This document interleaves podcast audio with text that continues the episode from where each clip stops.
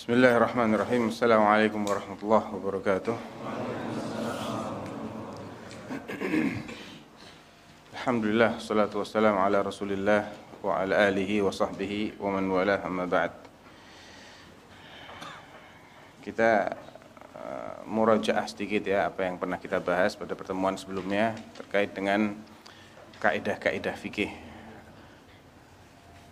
Uh, ada yang belum dapat makalahnya? Banyak. Coba angkat tangan semuanya yang belum dapat. Oh, iya. iya. Separuh lebih ini kayaknya. Tayyib.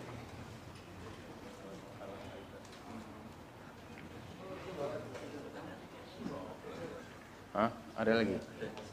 Baik. Coba dibagi dulu biar sama-sama pegang makalah.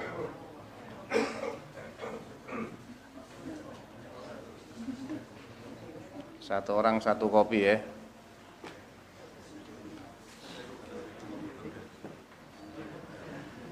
Syaratnya kalau dapat makalah harus rutin kajiannya. Jangan lupa sama syaratnya.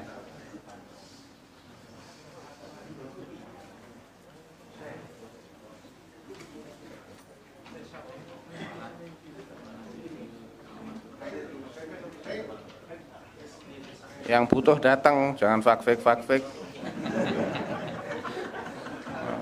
Kena men.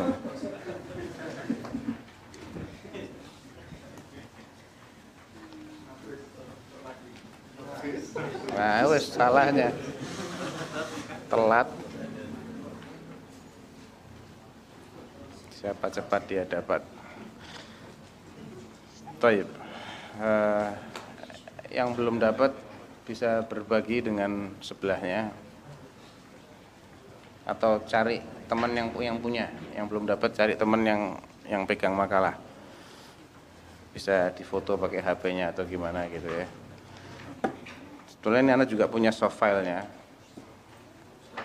sudah dibagikan juga Taib.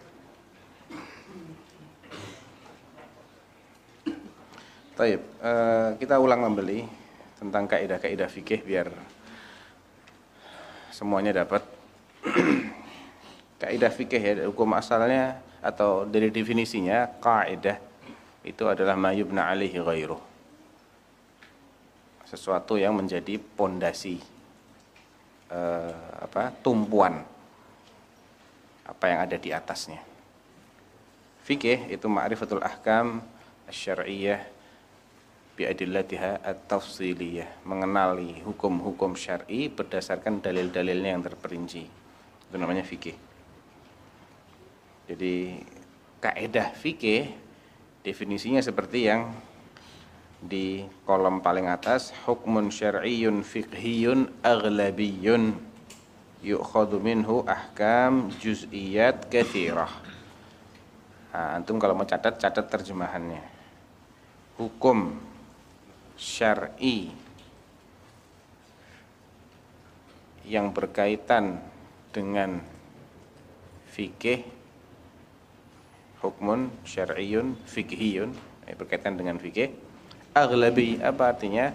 Sifatnya berlaku pada sebagian besar kasus. Nggak semuanya ya tapi sebagian besar. Hukum syar'i yang berkaitan dengan fikih yang berlaku pada sebagian besar kasus, koma yu'khadhu minhu ahkam juz'iyyat katsirah.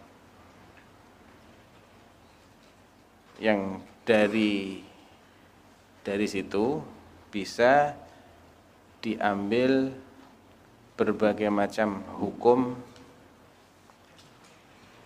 untuk masalah-masalah turunannya.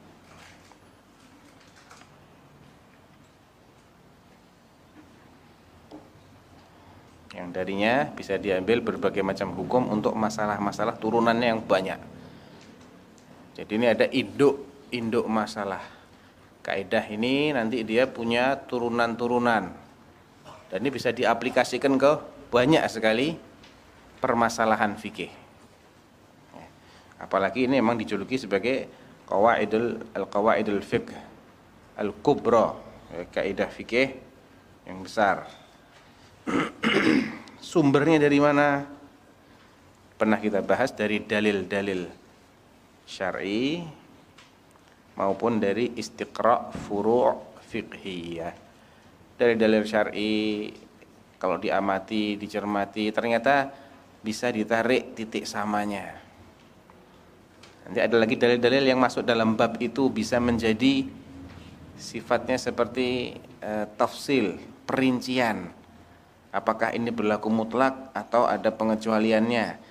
Nah, itu juga dikecualikan berdasarkan dalil. Nanti dalil yang mengecualikan ini masuk sebagai kaidah-kaidah turunan. Dari kaidah Indo ada kaidah turunannya. Sebagaimana yang ada dalam bagan. Ini saya anak cuma ingin menjelaskan uh, petanya gitu ya. Peta fikihnya itu seperti apa, mappingnya. Bisa juga kaidah ini disimpulkan dari istiqra furu' fikhiyah. Jadi dari cabang-cabang ilmu fikih ketika diamati cabang-cabangnya ini kok ini hukumnya begini begini begini begini begini ya. Oh, berarti ini bisa kita tarik menjadi sebuah kaidah. Nah, begitu. Taib. Macamnya pernah kita bahas juga kaidah kulliyah kubra, ada kaidah universal dan agung yang dikenal dengan lima ini ya yang, akan kita bahas sekarang ini dalam makalah ini adalah lima kaidah fikih yang universal, yang agung. Yang pertama al-umur bimaqasidiha. Nah, ini terjemahannya semuanya ada di belakang nanti. Saya baru selesai menerjemahkan sampai tiga yang pertama, yang dua masih dalam bahasa Arab. Al-yaqin la yazulu bisyak al-masyaqqah tajribut taisir. Nah, sampai tiga ini saya sudah terjemahkan. Tinggal yang keempat, la darara wa la dirar dan al-adah muhakkamah. Itu yang belum ana terjemahkan. Itu macam kaidah fikih. Artinya al-umur di maqasidiha itu secara garis besar adalah segala sesuatu, segala perbuatan, ucapan, hukumnya itu ditinjau dari maksudnya, dari niatnya. Dan ini kemarin sudah kita kita ulas secara singkat. Kaidah fikih besar yang kedua adalah al yakin la yazulu bisyak, sesuatu yang diyakini nggak bisa dihilangkan, digeser hanya karena adanya syak, ragu-raguan. Yang ketiga al-masyaqqah tajlibut taisir, adanya kondisi yang menyulitkan mengundang datangnya kemudahan dari syariat adanya kondisi yang menyulitkan itu mengundang datangnya kemudahan dari syariat. Yang keempat la darar wa la dirar. Darar di sini madarrah yang sudah uh, atau madarat secara sepihak maupun dirar saling memudaratkan ini juga dilarang. Baik madarat itu akan datang maupun sudah datang. Kalau akan datang dicegah supaya nggak datang. Kalau sudah datang dihilangkan atau dikurangi. Dan yang kelima al-adah muhakkamah. Tradisi itu bisa menjadi acuan hukum, tentunya dengan syarat-syarat. Tidak tidak mutlak. E, ada yang sifatnya kaidah kuliah sughra. Ya, nggak terlalu besar, tidak masuk dalam semua bab fikih. Hanya masuk dalam satu ya satu bab saja. Contohnya al kharaj bil dhaman al kharaj bil dhaman kharaj bil dhaman maksudnya uh, sesuatu yang bisa memberikan keuntungan hasil yang menguntungkan itu harus dibarengi dengan dhaman jaminan. Maksudnya orang boleh ngambil untung kalau dia siap rugi. Intinya gitu lah Orang boleh ngambil untung kalau dia modali. Kalau dia bertanggung jawab, dia boleh ngambil untung. Berarti ada tanggung jawab, ada resiko, ada modal yang dia korbankan. Ini merupakan sebab seseorang boleh mengambil faedah. Ada lagi yang namanya babit. Babit ini hanya berlaku pada satu uh, satu masalah atau misalnya lebih kecil lagi. Jadi Kalau itu dalam dalam beberapa bab mungkin ya, tapi kalau untuk itu satu bab saja. Contohnya ma ubina min hayyin fahuwa kamaitatihi. Berlaku pada bab uh, sembelihan atau tentang hukum jadi arti dari kaidah ini ma ubina sesuatu yang dipisahkan min hayyin dari makhluk hidup manusia atau hewan fahuwa kamaitatihi hukumnya seperti bangkainya. Misalnya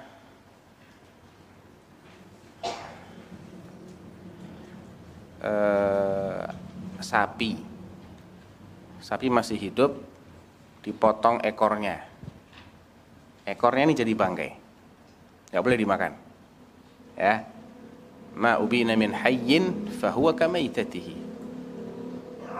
Jadi bagaimana supaya ekornya boleh dimakan? Sapinya disembelih dulu. Begitu sapinya disembelih, semua bagian tubuhnya halal. Kecuali darah ya, darah nggak boleh memang. Darah yang mengalir terpancar dari urat itu nggak boleh. Adapun selain itu halal. Mau setelah itu dipotong buntutnya, potong kupingnya, potong cingurnya, kikilnya, semua jadi halal. Kalau sapinya masih hidup, jadi bangkai. Nah ini namanya dhabit. Hanya berlaku dalam satu uh, bab yang sempit saja. Baik. Ini pun ada pengecualiannya. Masalah ma'ubina min hayyin fahuwa kamaitatihi. Ini ada pengecualian. Ada dua masalah yang dikecualikan. Masalah yang pertama adalah fi mas'alati taridah orang ahli fikih mengenamai at-taridah. At-taridah itu hewan buruan yang dikejar-kejar. Nggak berhasil ditangkap. Jadi misalnya nih ada sekumpulan orang kelaparan. Dia hanya bawa pedang pisau pentungan gitu ya mangsanya apa sapi liar dikejar bareng-bareng wah dikejar karena nggak ada yang bawa panah nggak bisa dilumpuhkan dari jarum jadi ada yang gepuk kepalanya, ya, masih keliengan, yang ini motong ekornya, des, yang ini motong kakinya. Nah, ini pengecualian. Dalam kasus ini yang terpotong tadi halal. Karena apa? Tidak bisa dilumpuhkan. Ya. Contohnya bisa juga seperti Misalnya ada seekor sapi yang terjebak dalam lubang keprosok di dalam. Mau nyembelih gimana? Dalam lubang. Keluarin juga susah gitu ya. Ya ini juga bisa. Jadi segala sesuatu yang mungkin tidak bisa ditangkap untuk disembelih secara syar'i, padahal dia butuh untuk dimakan, untuk untuk diburu. Maka ini pengecualian dari kasus ma ubina min hayyin fahuwa kamaitatihi pengecualian yang kedua, tapi kalau dia bisa ditangkap nggak boleh loh ya. Bisa ditangkap dan sembelih secara syar'i maka nggak boleh dipotong-potong. Yang sudah kepotong itu berarti hukumnya bangkai. Yang lain-lain disembelih dulu kemudian baru di dimakan. Khusus yang sudah terpotong itu hukumnya apa? Bangkai. Kalau itu memang bisa di ditangkap dan disembelih secara syar'i. Pengecualian yang kedua adalah misik. Tahu misik? misik itu wangi-wangian dulu. Misk itu asal muasalnya adalah darah. Yang asli itu dari darah. Darahnya kijang jenis tertentu. Ya, kijang ini kalau dia itu di dikageti atau habis lari-lari, nanti di pusarnya, di bagian bawah perutnya itu akan terbentuk kantong. Kantong yang berisi darah. Nah itu lama-lama bisa jatuh sendiri. Pluk jatuh. Itu terpisah kan dia dari kijang yang masih hidup. Ini pengecualian juga. Jadikan minyak wangi. Kalau itu bangkai nggak boleh karena bangkai itu najis. Tapi ini pengecualian. Yang namanya pengecualian itu keluar dari kaedah mesti. Jadi jangan lah ini apakah berarti makan darah itu boleh darah ini tok yang boleh ini pengecualian karena yang namanya kaedah itu berlaku pada e, mayoritas kasus. Kalau nggak ada pengecualian, Kalau kasus tertentu bukan termasuk yang dikecualikan, maka dia kembali kepada hukum asal, kembali kepada kaidah. Taib. Ini kita masih uh, belum masuk ke inti masalah ya. Manfaat dari mempelajari kaidah ini bisa antum baca di situ. Nah, dia merupakan induk dari banyak masalah fikih yang tercabang darinya sehingga dengan menguasainya otomatis akan menguasai banyak masalah turunannya lain halnya kalau antum bahas masalah-masalah furuknya nggak ngerti kaedahnya. Nah, nanti tiap kali dapat masalah baru bingung lagi.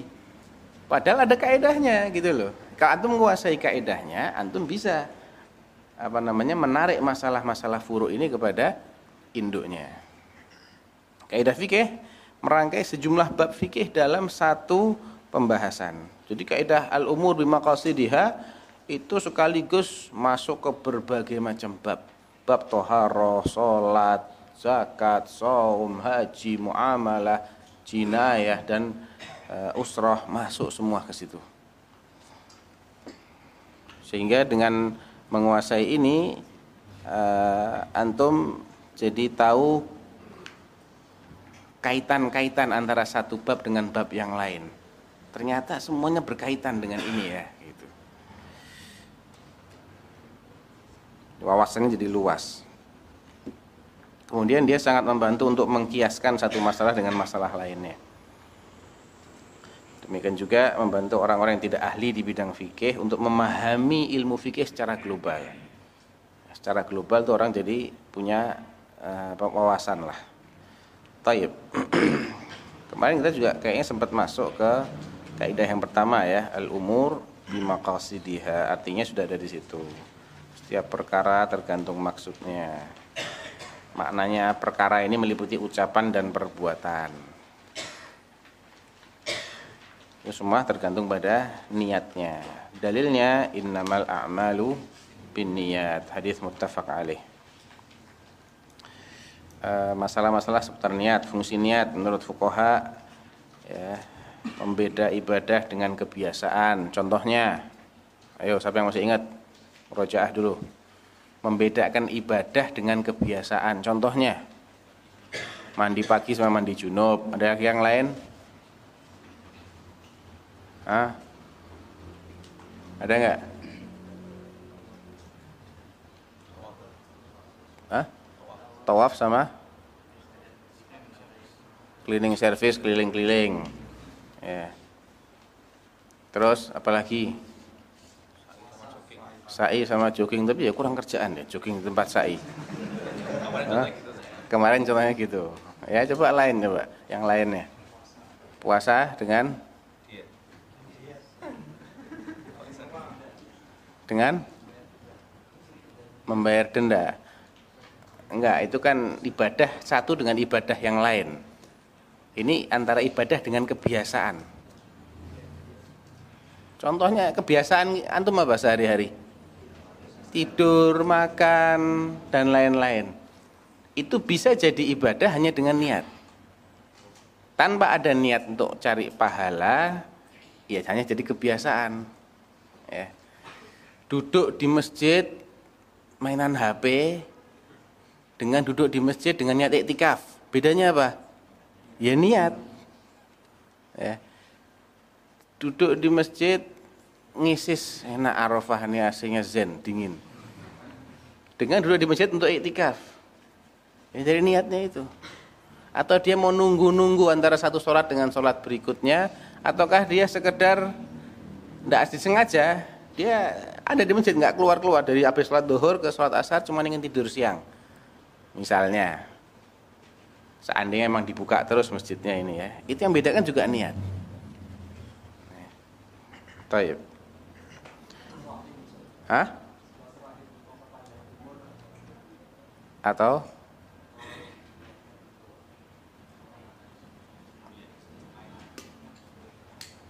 uh, itu masuknya masalah enggak kalau contoh kebiasaan mungkin juga ada orang biasa dia berkunjung enggak diniatin untuk silaturahmi cuman dia seneng aja hobinya dia datangi fulan datangi fulan keluarganya tapi enggak ada niat untuk silaturahim karena silaturahim itu sendiri sudah sudah ibadah gitu loh Cuman dia berkunjung saja misalnya. Nah, ini juga beda. Dari niatnya sudah membedakan. Dia juga pembeda antara sesama ibadah. Sama-sama sholat. Bisa beda gara-gara niat. Contohnya, sholat wajib sama sholat sunnah. Kalau itu pembeda, eh, ya bisa sih ya. Pembeda ibadah itu sendiri bisa kita bagi dua. Pembeda tingkatan ibadah antara yang wajib dengan sunnah, tingkatannya kan beda atau jenisnya beda. Sama-sama sholat sunnah, tapi yang ini niatnya apa? Misalnya tahiyatul masjid, yang satu lagi niatnya syukrul wudhu. Atau niatnya gobliyah. Yang ini niatnya sholat bainal adhan wal iqamah. Sama-sama sunnahnya, tapi beda jenisnya. Atau membedakan tingkatannya. Masuk masjid, apa namanya eh, dia belum sholat zuhur. Atau masuk masjid. Atau misalnya saum tadi ya. Saum. Mau diniati apa? Mengkodok puasa Ramadan berarti hukumnya apa? Wajib. Ataukah puasa sunnah sunnah aja? Puasa Senin, puasa Kemis, puasa Bid.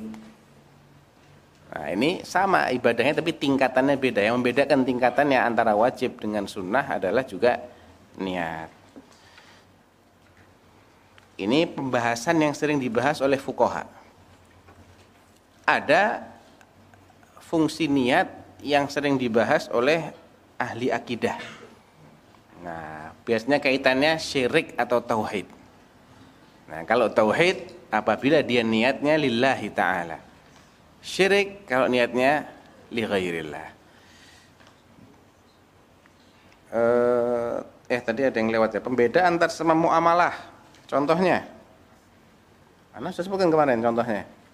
Ah. Muamalah bukan ibadah. Apa masuk niat situ? Masuk. Contohnya apa tadi? bayar utang dengan ngasih sodako nah, atau bisa haram bisa dapat pahala gara-gara niat. Contohnya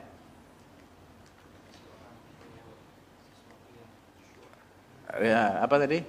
Riswah dengan dengan zakat. Ya, sama-sama ngasih orangnya sama tapi niatnya beda. Yang ini anak kasih untuk riswah yang ini anak kasih sebagai zakat atau sebagai uh, hadiah. Hadiah ini bisa jadi riswah juga. Karena kalau ditujukan kepada pegawai, kepada orang yang mulai punya jabatan, hukum asalnya haram hadiah itu. Jadi ini contoh ya. Artinya hatta dalam muamalah pun niat itu berpengaruh. Orang punya harta bisa kena zakat, bisa tidak kena zakat. Apa yang bedakan? Niat. Buat apa? Niatnya kamu punya mobil sekian banyaknya ini mau kamu apa akan? Ada orang punya mobil cuman buat dikoleksi. Ada nggak? Ada. Harganya satu mungkin setengah M, satu miliar. Dia cuman seneng kolektor mobil aja. Dijual enggak? Enggak. Terus buat apa? Ya anak seneng ngeliatin mobil-mobil ini. Tiap hari dipanasi satu-satu. Ya, satu bulan buat manasinya tok mungkin jutaan. Tapi ada yang punya satu mobil tok. Avanza. Tipe G tahun 2010. Tapi dia kerjaannya jual beli mobil. Mana yang kena zakat? Yang punya Avanza. Padahal harganya Avanza ini nggak ada apa-apanya dibandingkan dengan harganya mobil antik yang tahun sekian itu. Itu tujuan itu mempengaruhi, ya, mempengaruhi. Begitu ada niat untuk diperdagangkan, maka harus mulai dihitung haulnya. Mulai jalan, argonya haul jalan. Sekaligus nanti nilainya, nilai awal berapa, kemudian setelah satu tahun dia jadi berapa. Kalau awalnya sudah masuk nisab, berarti argonya dihitung, haulnya mulai. Tapi kalau awalnya belum masuk nisab, maka belum berlaku haul. Sampai kapan dia nggak berlaku haul? Sampai dia masuk nisab. Gitu. Jadi ini semua terpengaruh dengan niat. Nah, kalau menurut ahli akidah, niat ini ya, fungsinya membedakan siapa yang menjadi tujuan amal. Apakah Allah ataukah yang lain. Kalau Allah berarti dia masuk dalam tauhid. Kalau selain Allah berarti masuk ke dalam syirik. Bisa besar, bisa kecil. Ya. Hukum niat. Hukum niat itu ini yang belum kita bahas. Kadang dia menjadi syarat ya, harus ada. Pada kasus apa niat itu harus ada? Pada semua yang sifatnya ibadah. Ya, ini yang mengandung unsur ritual, tidak bisa difahami maksudnya. Dia dianggap sebagai cara mendekatkan diri kepada Allah dan caranya ini sifatnya tauqifi. Kalau enggak diajari dengan dalil kita enggak ngerti cara-cara ini. Dan secara hukum sebab akibat enggak nyambung, enggak ada korelasi yang jelas gitu loh sebab akibatnya. Kok bisa orang uh, berdiri, ruko, sujud, duduk, toleh kanan, toleh kiri sambil baca, tahu-tahu dia dianggap mendekatkan diri kepada Allah. Dari sisi mana dia nggak berpindah posisinya? Kok bisa ini mendekatkan diri seseorang kepada Allah? Kan nggak ada hukum sebab akibatnya, toh? Nggak ada kaitan jelas gitu loh. Nah ini namanya ibadah. Ibadah mahwah, murni. Manfaatnya juga buat orangnya itu sendiri. Orang lain nggak nggak dapat manfaatnya murni untuk dirinya. Nah, ini mutlak harus ada niat. Sama-sama gerakannya, bacaannya, waktunya dihabiskan. Yang ini tidak niat sholat, cuman tiru-tiru latihan sholat. Ya, tidak bisa dianggap sebagai ibadah sia-sia. Eh?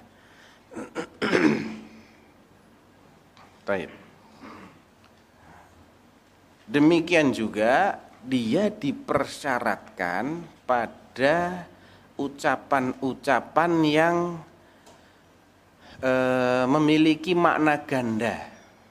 Nah, antum pernah dengar talak dengan lafat sorry atau talak dengan lafat kinayah? Pernah dengar nggak masalah ini? Orang menjatuhkan talak itu ada katanya ada kalanya dia dengan menggunakan kata-kata yang tegas dan gamblang ya, ya fulanah kamu saya talak. Bilang gitu ke istrinya. Atau kamu saya cerai. Kamu saya firok misalnya. Ini jelas. Kalau sudah jelas lafadznya niat tidak berlaku di sini. Mau niat niat jatuh talak atau cuman anu sudah dia dihukumi berdasarkan lafadznya Wah, saya tidak sengaja, sengaja tidak sengaja. Selama kamu masih waras ngomongnya begitu, jatuh talaknya. Kecuali kalau dia tidur ngigau loh ya. Ngigau ini lain. Dalam keadaan tidur, tahu-tahu teriak-teriak menjatuhkan talak istrinya. Ini ngigau namanya, ngelantur. Ya. Atau dia dalam keadaan sakran, mabuk, ngomongnya ngeracu, tidak karu-karuan Ya, mabuknya haram, bukan berarti talaknya halal gara-gara dia mabuk. Tidak, mabuknya ini haram. Tapi talaknya tidak dianggap jatuh karena akalnya sedang tidak berfungsi. Atau majnun.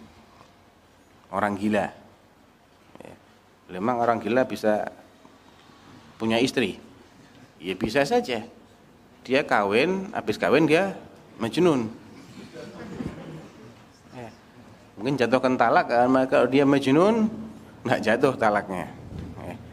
adapun istrinya mau tetap jadi istrinya apa enggak itu lain lain masalah. Tapi kalau si majnun ini menjatuhkan talak nggak jatuh dalam kondisi dia majnun. Gila tadi. Ada kalanya orang ini mengatakan lafat yang multitafsir sindiran kinayah. Contohnya pulang kamu ke rumah orang tuamu Maksudnya apa ini? Suruh pulang aja ataukah dicerai? Ya. saya tidak mau lagi satu rumah sama kamu. Misalnya, ya misalnya seperti itu. Atau apalagi misalnya, pergi sana, jangan tinggal di sini lagi. Nah, ini apa maksudnya? Nah, ketika itulah niat berpengaruh. Kalau niatnya menjatuhkan talak, berarti jatuh talak. Kalau niatnya nggak jatuhin talak, sekedar ngusir, sekedar suruh pulang ke tempat orang tuanya dulu, saya lagi mumet ini, lagi pusing ini. Kau ke sana dulu, keluar sana, pulang sana dulu. Tanpa ada maksud menjatuhkan talak, ya nggak jatuh, nggak jatuh talak.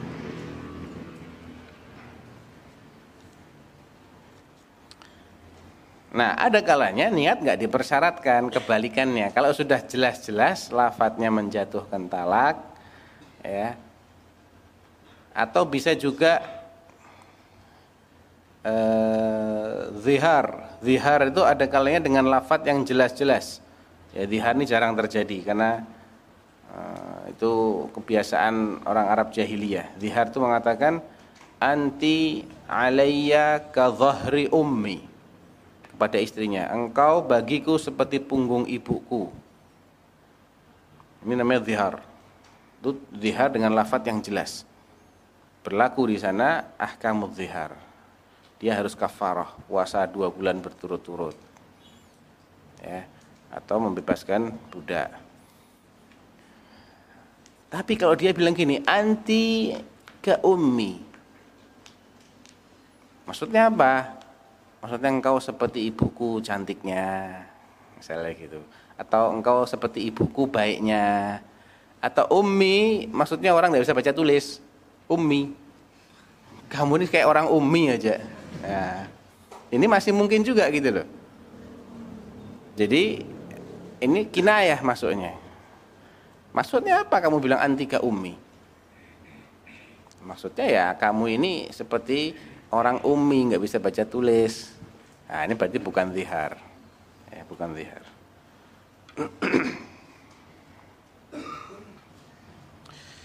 Uh, tidak dipersyaratkannya niat adalah ketika lafadznya sudah jelas. Jadi dia tidak bisa ngeles. Kalau sudah jelas kamu saya cerai. Jatuh. Wafan anak nggak sengaja. Oh sengaja nggak sengaja. Ah nggak bisa dipermainkan ini. Karena apa? Hukum asalnya al-luhum wal abdha' apa hukum asalnya? Darah dan kemaluan hukum asalnya haram. Ini kaitannya dengan halal enggak ini? Digauli setelah itu. Hukum asalnya enggak halal loh. Dia menjadi halal karena ada pernikahan. Ketika talak ini diucapkan, berarti mengembalikan seseorang kepada hukum hukum asal. Makanya nggak bisa dipermainkan di sini. Tidak dipersyaratkan juga pada hal-hal yang sifatnya perlu dihindari. Contoh, najis. Najis itu dilakukan ataukah dihindari? Tidak dilakukan, dihindari. Contohnya, orang membersihkan najis itu tidak perlu pakai niat, tidak apa-apa, sah. Misal, syarat sahnya sholat di antaranya adalah bersih tempat dan pakaian dari najis apakah antum harus pakai niat? Saya berniat membersihkan tempat dan pakaian saya dari najis. Oh enggak, enggak perlu. Lihat aja. Oh enggak ada najis. Bersih. Udah cukup. Ya. Contoh lain membersihkan najis tanpa disengaja. Yang penting kalau akhirnya bersih sah. Contohnya orang e, bajunya kena kencing ya. Belum dia cuci dia jemur di jemuran turun hujan kehujanan. Kehujanan habis itu kering kena panas matahari. Besok pagi dia mau cuci dia lihat eh semalam ternyata kehujanan dan paginya sudah kering. Nggak ada lagi bekas-bekas kencing. Sah bersih. Ya tanpa harus diniati terlebih dahulu. Ya. Ini eh, hal-hal yang sifatnya dihindari, najis, kemudian apalagi ya, e, menghindari zina, menghindari judi, menghindari khomer. Tidak perlu ada niat khusus supaya dia dianggap sah menghindari hal-hal tersebut. Enggak perlu. Pokoknya tidak melakukan itu sudah sudah sah.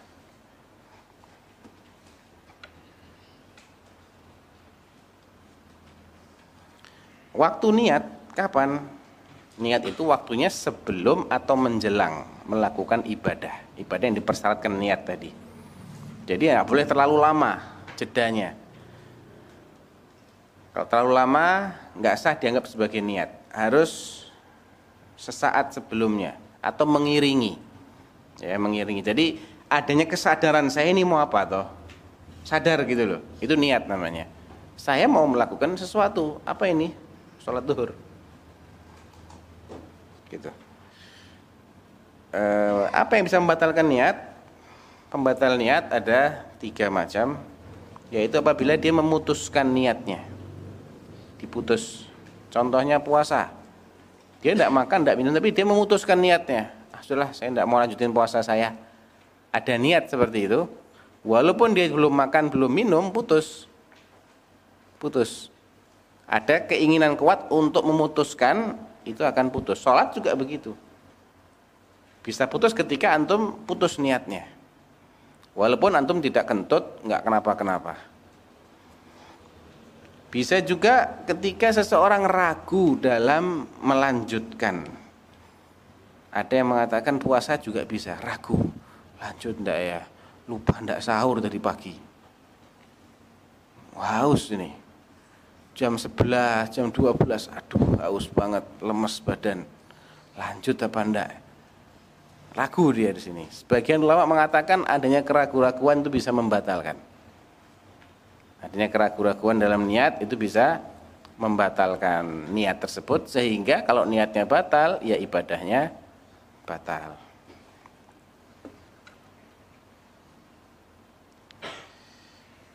Termasuk pembatal niat adalah tekad untuk memutuskan. Bedanya apa dengan yang pertama?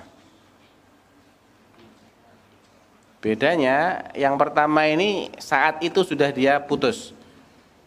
Adapun yang ketiga ini misalnya ah nanti ah aku tak puasa beduk aja.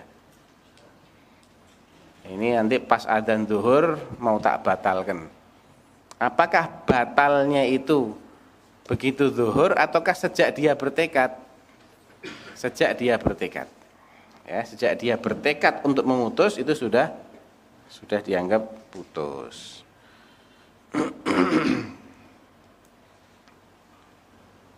e, di mana tempatnya niat? Fil qalb ya. Bukan fil lisan, bukan. Fil qalb. Fungsinya apa kita tahu an niyatu fil qalb?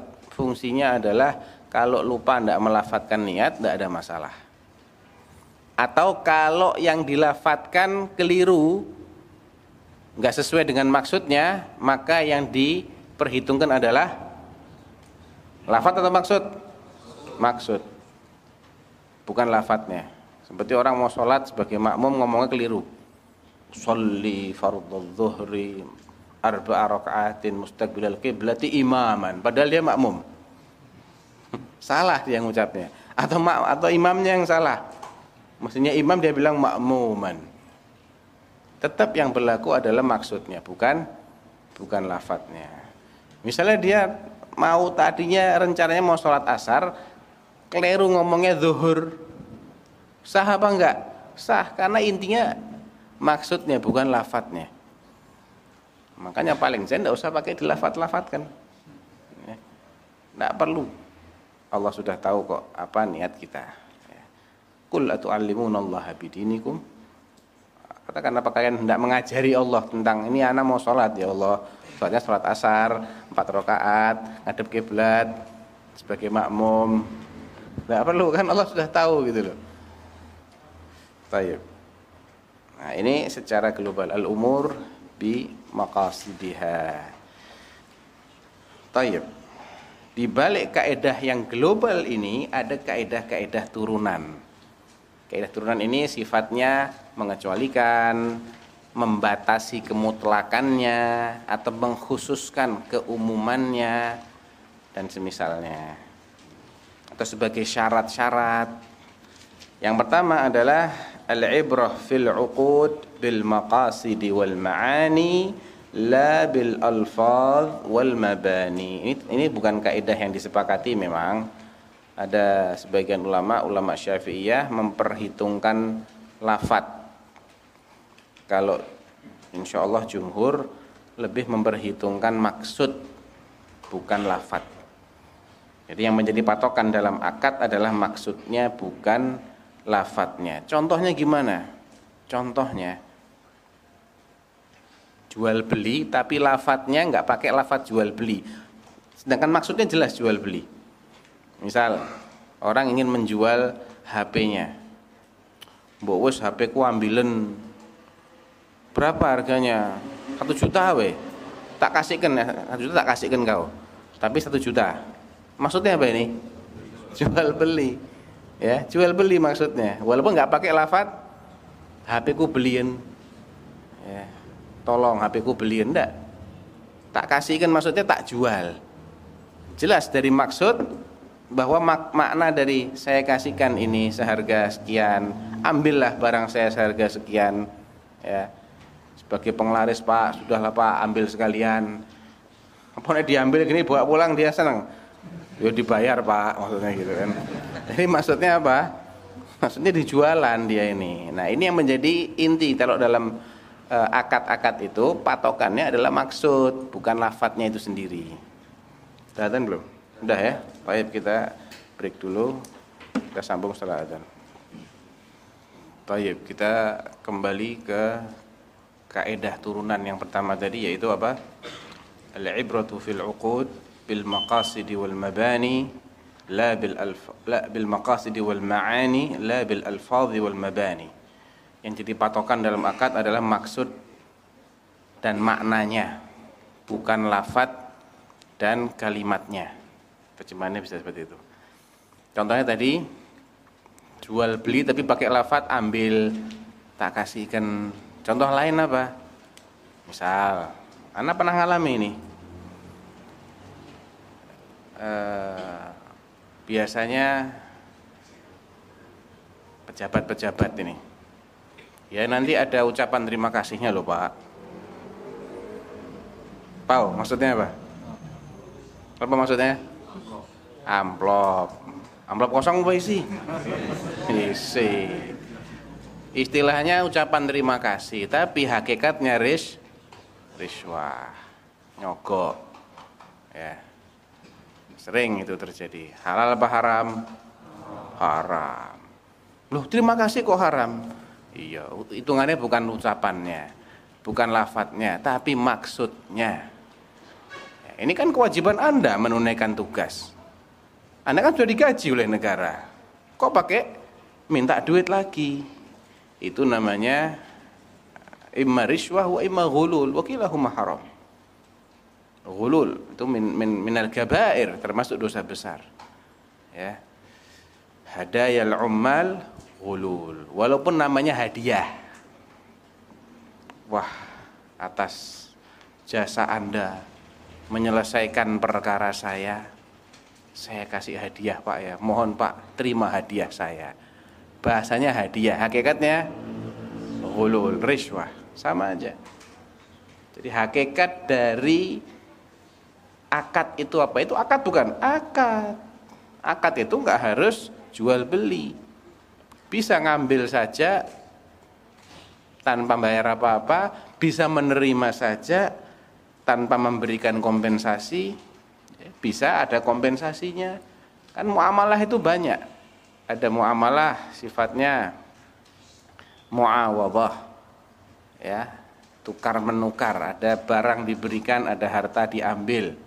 Ada yang sifatnya akhdun bila iwad, hanya ngambil tidak bayar apa-apa. Contohnya mendapatkan warisan, menerima hadiah, menerima riswah, menerima eh, apalagi misalnya sedekah. Ada bayar tidak ngambil apa-apa. Sebaliknya yang ngasih hadiah, yang ngasih riswah, yang ngasih sedekah, ini tinggal ngambil apa-apa. Ada yang namanya mudharabah. Walhasil macam-macam.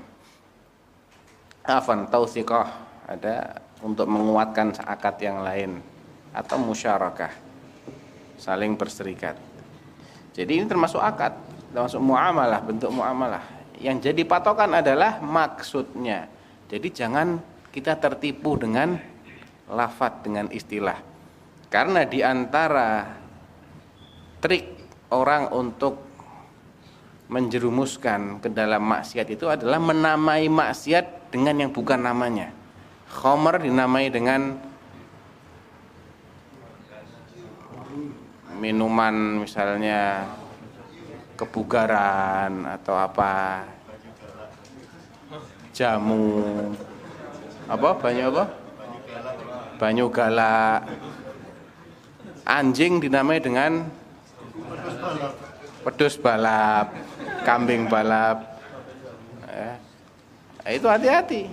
Jangan ter, terpedaya dengan dengan istilah-istilah padahal hakikatnya tidak seperti itu. Contohnya juga orang yang terpedaya adalah nabung di bank dianggap sebagai wadiah. Enggak bukan wadiah itu. Itu adalah qard. Oh, apa bedanya? Beda. Kalau wadiah itu barang yang di serahkan kepada orang yang bisa menjaganya, bukan bisa memanfaatkannya. Dia cuma dijaga tok, nggak dimanfaatkan sama sekali dan dikembalikan zatnya dikembalikan. Bukan yang dikembalikan adalah penggantinya, badalnya bukan. Zatnya itu dikembalikan. Contohnya kalau zat itu berupa uang, ya nomor serinya sama persis, nggak berubah. Titip satu miliar, masukkan berangkas, kunci jebret. Nggak bisa diambil di ATM, tidak bisa ditransfer kan, Tidak bisa antum gesek. Tidak bisa. Barangnya diberangkas. Itu kalau wadiah. Mana ada bang kayak gitu. Tidak ada kan. Yang ada adalah yang antum pakai itu, yang antum tarik, yang antum transfer itu adalah badalnya. Badal. Jadi barang lain yang setara. Sama fungsinya dengan itu, sama nilainya dengan itu. Makanya antum taruh di bank antum bisa ambil di ATM, keluarnya beda lagi. Ya, nyetornya merah, keluarnya biru. Ya, atau sebaliknya nyetornya biru, nariknya merah. Bisa digesek, berkurang dia. Nah, ini namanya qard. Nah, kalau hakikatnya qard, berlaku hukum qard, bukan yang berlaku hukum wadiah. Sehingga semua manfaat yang sifatnya sepihak hanya dirasakan oleh antum sebagai yang nabung dan kaitannya karena antum punya tabungan di situ itu masuk kategori riba gitu loh. Tapi kalau itu diklaim sebagai wadiah padahal hakikatnya kord ya mereka akan akan menganggap halal ini padahal hakikatnya tidak tidak halal. Nah, itu perlunya kita Eh, mengetahui bahwasanya yang menjadi patokan dalam akad itu adalah hakikatnya, maknanya, bukan lafadznya, bukan kalimatnya. Ya.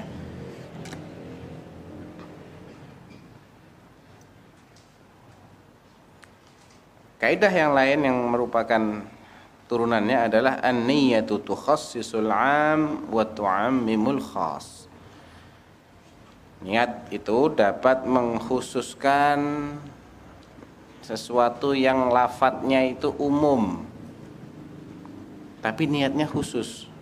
Maka yang berlaku adalah yang dia niatkan. Atau sebaliknya lafadznya khusus tapi niatnya umum maka yang berlaku adalah yang dia niatkan. Contoh. Mana pernah sebutkan contohnya sebetulnya ya? Tapi kayaknya sudah pada lupa. Sumpah. Orang bersumpah. Wallahi anak tidak mau lagi masuk ke rumahnya fulan. Dia habis ribut sama si fulan ini. Wallahi anak tidak mau lagi masuk ke rumahnya fulan. Secara umum sumpahnya ini berlaku umum. Saya tidak mau masuk lagi ke rumahnya si fulan. Si fulan ini. Ya selamanya. Tapi niatnya dia apa? Apakah dia memang berniat selama saya tidak akan datang lagi ke rumahnya dia ataukah selama saya masih musuhan, selama saya masih kesal sama dia saja? Nanti kalau dia sudah baik, baik sama saya, saya akan ke rumahnya. Apa niatnya? Nah, itu yang menjadi ukurannya. Kalau dia meniatkan selamanya ya selamanya. Begitu dia masuk rumahnya fulan, dia wajib mengkafarati sumpahnya. Wajib. Dia melanggar sumpah berarti. Tapi kalau dia niatnya selagi saya kesel, selagi saya dia belum minta maaf, saya wallah tidak akan ke rumahnya dia. Niatnya begitu. Walaupun lafadznya umum, tanpa ada keterangan selagi saya kesel atau selagi dia belum minta maaf, maka yang berlaku adalah niat dan maksudnya ini. Sehingga ketika dia sudah minta maaf atau ketika sudah tidak kesel lagi, dia datang ke rumahnya, dia nggak dianggap melanggar sumpah. Atau sebaliknya, uh, lagi jengkel sama Fulan, diundang makan, diundang sarapan. Suf, ente diundang sarapan besok sama sohibak kata sama temanmu si fulan. Wallah anak nggak mau sarapan di rumahnya dia. Terus jam 7 lewat atau jam 8 telepon lagi, "Eh, sarapannya diganti makan siang gimana?" Nah, niatnya dia apa? Kalau niatnya khusus sarapan anak tidak mau. Karena dia cuma nyediai bubur kacang hijau. Misalnya, atau bolu kukus ngapain anak cuma dikasih bubur kacang hijau dikasih bolu kukus tapi kalau makan siangnya enak nasi mandi nah ya mandi laham lagi atau pokoknya enak lah sate atau sate buntel atau apa gitu ya niatnya dia apa niatnya khusus tidak mau sarapan atau pokoknya tidak mau makan di rumah dia mau sarapan makan siang makan malam makan sore. Saya tidak mau makan di rumahnya dia. Kalau niatnya khusus sarapan, ketika itu diganti makan siang dan dia datang, dia nggak ngelanggar sumpah. Tapi kalau niatnya selamanya hanya makan siang ini cuman kebetulan, nah, apa sarapannya hanya karena dia ngundangnya ngundang sarapan. Tapi maksud saya, maksudnya ini adalah makan di mana makan kapan pun saya tidak mau kalau yang ngundang fulan. Yang berlaku adalah niatnya. Walaupun lafadznya khusus tapi karena niatnya umum maka yang diberlakukan adalah niatnya. Kebalikan dari kasus yang yang pertama. Itu eh, bentuk dari kaidah an-niyatu tukhassisul 'am wa tu'ammimu al-khas masih berkaitan dengan sumpah al-aiman mabniyatun ini al-aiman ya, bukan al-iman tapi al-aiman, makanya hamzahnya di atas. Maksudnya jamak dari yamin. Yamin itu artinya sumpah. Al-aiman mabniyatun 'ala al-aghrad la 'ala al-alfaz. Sumpah itu dibangun berdasarkan tujuannya, bukan berdasarkan lafadznya. Tapi ini ada syaratnya yaitu ketika lafadznya bisa difahami sebagai sumpah. Ya. Tujuannya apa orang dia ini bersumpah? Apakah tujuannya sekedar mengancam supaya tidak dilakukan atau tujuannya memang dia bersumpah? Ya, misalnya ancaman cerai Wallahi kalau sampai kau pergi ke rumahnya fulan, kamu saya cerai. Ini maksudnya memang ingin menjatuhkan cerai ketika itu terjadi atau sekedar ngancem aja? Ya, ngancem aja atau memang ingin menjatuhkan cerai? Nah, kalau dia memang tujuannya ingin menjatuhkan cerai dan itu dilanggar, jatuh cerai.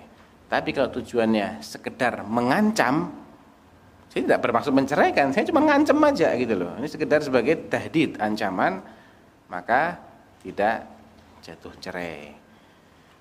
Tapi syarat kata-katanya harus bisa difahami sebagai lafat sumpah. Ya. Demi Allah, saya bersumpah. Ya, ada kata-kata ada kata sumpah lah. Ya. Contohnya juga orang yang sumpahnya laghul yamin. Biasanya orang Arab suka gitu ente tahu ndak fulan di mana? Wallah anda tidak tahu. Tidak bermaksud mau sumpah. Ya sudah, apa uh, laghul yamin istilahnya, sesuatu yang memang biasa nyepak gitu ya. Jebret wallah, jebret wallah, jebret wallah. Wallahi ya mungkin anak beli harganya 500 ribu. Nggak berniat sumpah enggak nah, Ini nggak dihukumi sebagai sumpah. Ternyata eh enggak ada yang 550 anak Apakah harus kafarah sumpah? Enggak, niatnya bukan mau bersumpah. Ya.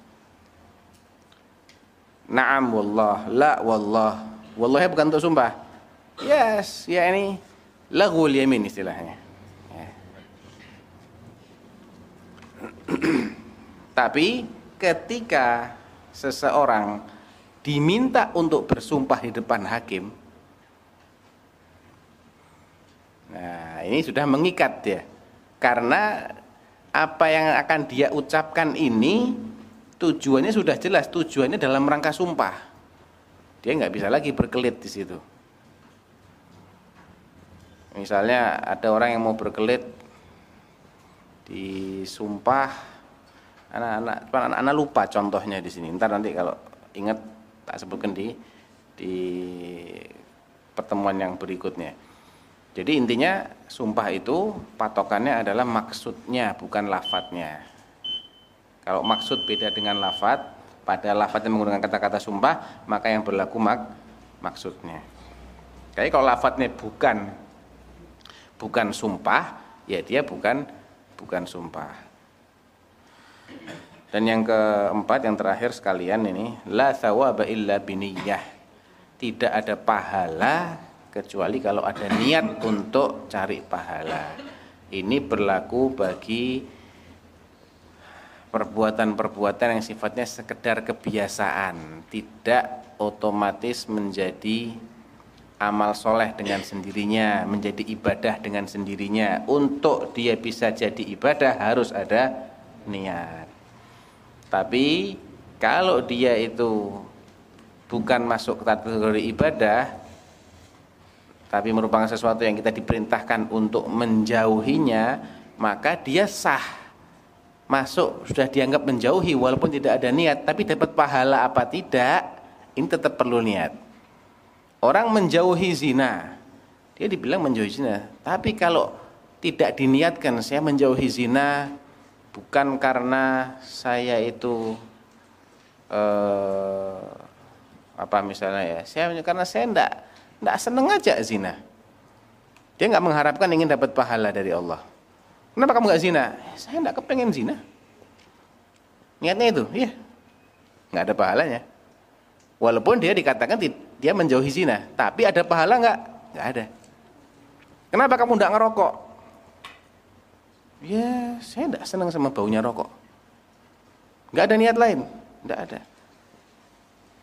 Nggak takut, bukan karena ingin, bukan karena takut kalau merokok itu termasuk perbuatan yang diharamkan misalnya. Perbuatan yang membakar uang, menyia-nyiakan harta, mengganggu orang lain. Enggak, enggak, enggak, cuma enggak senang sama baunya rokok. Ya dia dianggap tidak ngerokok, tapi enggak ada pahalanya. Kenapa kamu tidak e, mencuri, nggak mabuk-mabukan? Jawabannya ya karena mencuri ini perbuatan yang tercela. Saya ingin jaga nama baik saya. Nggak ada harap, nggak ada niat untuk cari pahala di akhirat karena takut azab Allah bagi seorang pencuri. Nggak ada niat ke sana. Ya dia tidak ada pahalanya. Yang mabuk-mabukan, kenapa nggak mabuk-mabukan? Ya karena bukan ini boros ya buang-buang duit ya. E, baunya bau homer mulutnya. Dia nggak mengharap pahala. Ya nggak ada pahalanya. Tila thawaba illa biniyah. Ibadah juga gitu. Ada kalanya ibadahnya. Kenapa kamu puasa? Lah orang-orang pada puasa saya malu enggak puasa. Ya enggak ada pahalanya tidak ada pahalanya. Walaupun amalan-amalan itu amalan yang zohirnya ibadah. Zohirnya ibadah, tapi tidak diniati untuk ibadah. Tidak ada pahalanya walaupun dia dianggap sah. Jadi beda antara ini sah, ini tidak sah, atau ini tidak sah, ini sah, ini diterima. Beda. tidak sah berarti dia dituntut untuk melakukan lagi. Belum gugur kewajibannya. Biasanya karena syaratnya ada yang ketinggalan atau rukunnya ada ketinggalan atau dia melakukan pembatal amalan. Walaupun syarat dan rukun tidak dia tinggalkan tapi dia melakukan sesuatu yang membatalkan maka jadi batal alias nggak sah. Artinya dia dituntut untuk mengulangi. Ada kalanya dia dianggap sah tapi nggak diterima sama Allah. Contohnya orang yang sholat setelah memenuhi syarat dan rukun sholat dan tidak melakukan pembatal sholat, tapi niat sholatnya ria, ada pahalanya enggak? Tidak ada. Apa harus ngulangi? Tidak. Tidak harus ngulangi. Ada yang namanya diterima oleh Allah. Ini yang top. Ini hanya berlaku bagi orang yang bertakwa. Innama yataqabbalullahu minal muttaqin. Makanya Ibnu Umar mengatakan, Eh, ketika menjelang wafatnya sahabat yang terkenal rajin ibadah ini sahabat Rasulullah alim min ulama sahabat mau mati dia nangis. Nah kenapa kok nangis ente? Ente mestinya seneng ente sahabat Rasulullah ente menyertai Rasulullah dalam jihadnya. Rasulullah meninggal dalam keadaan ridho kepada kamu. Ini harusnya berbesar hati seneng. Gol. Kalau anak tahu Allah menerima sholatku sekali saja, saya baru senang. Karena kan nggak diberitahu apakah Allah menerima apakah tidak. Kalau anak diberitahu ada sholat saya yang diterima oleh Allah, baru saya senang. Kenapa? Inna yataqabbalullahu minal muttaqin. Karena Allah hanya menerima dari orang-orang yang bertakwa. Kalau diterima amalnya, berarti dia bertakwa. Ini yang akan menyelamatkan dia sekedar dia banyak beramal saja jangan terpedaya jangan pede karena kita belum tahu diterima apa tidak oleh Allah Subhanahu wa taala. Tayyib kita cukupkan dulu. Wallahu taala alam sallallahu alaihi Muhammadin wa ala alihi wasallam. Assalamualaikum warahmatullahi wabarakatuh.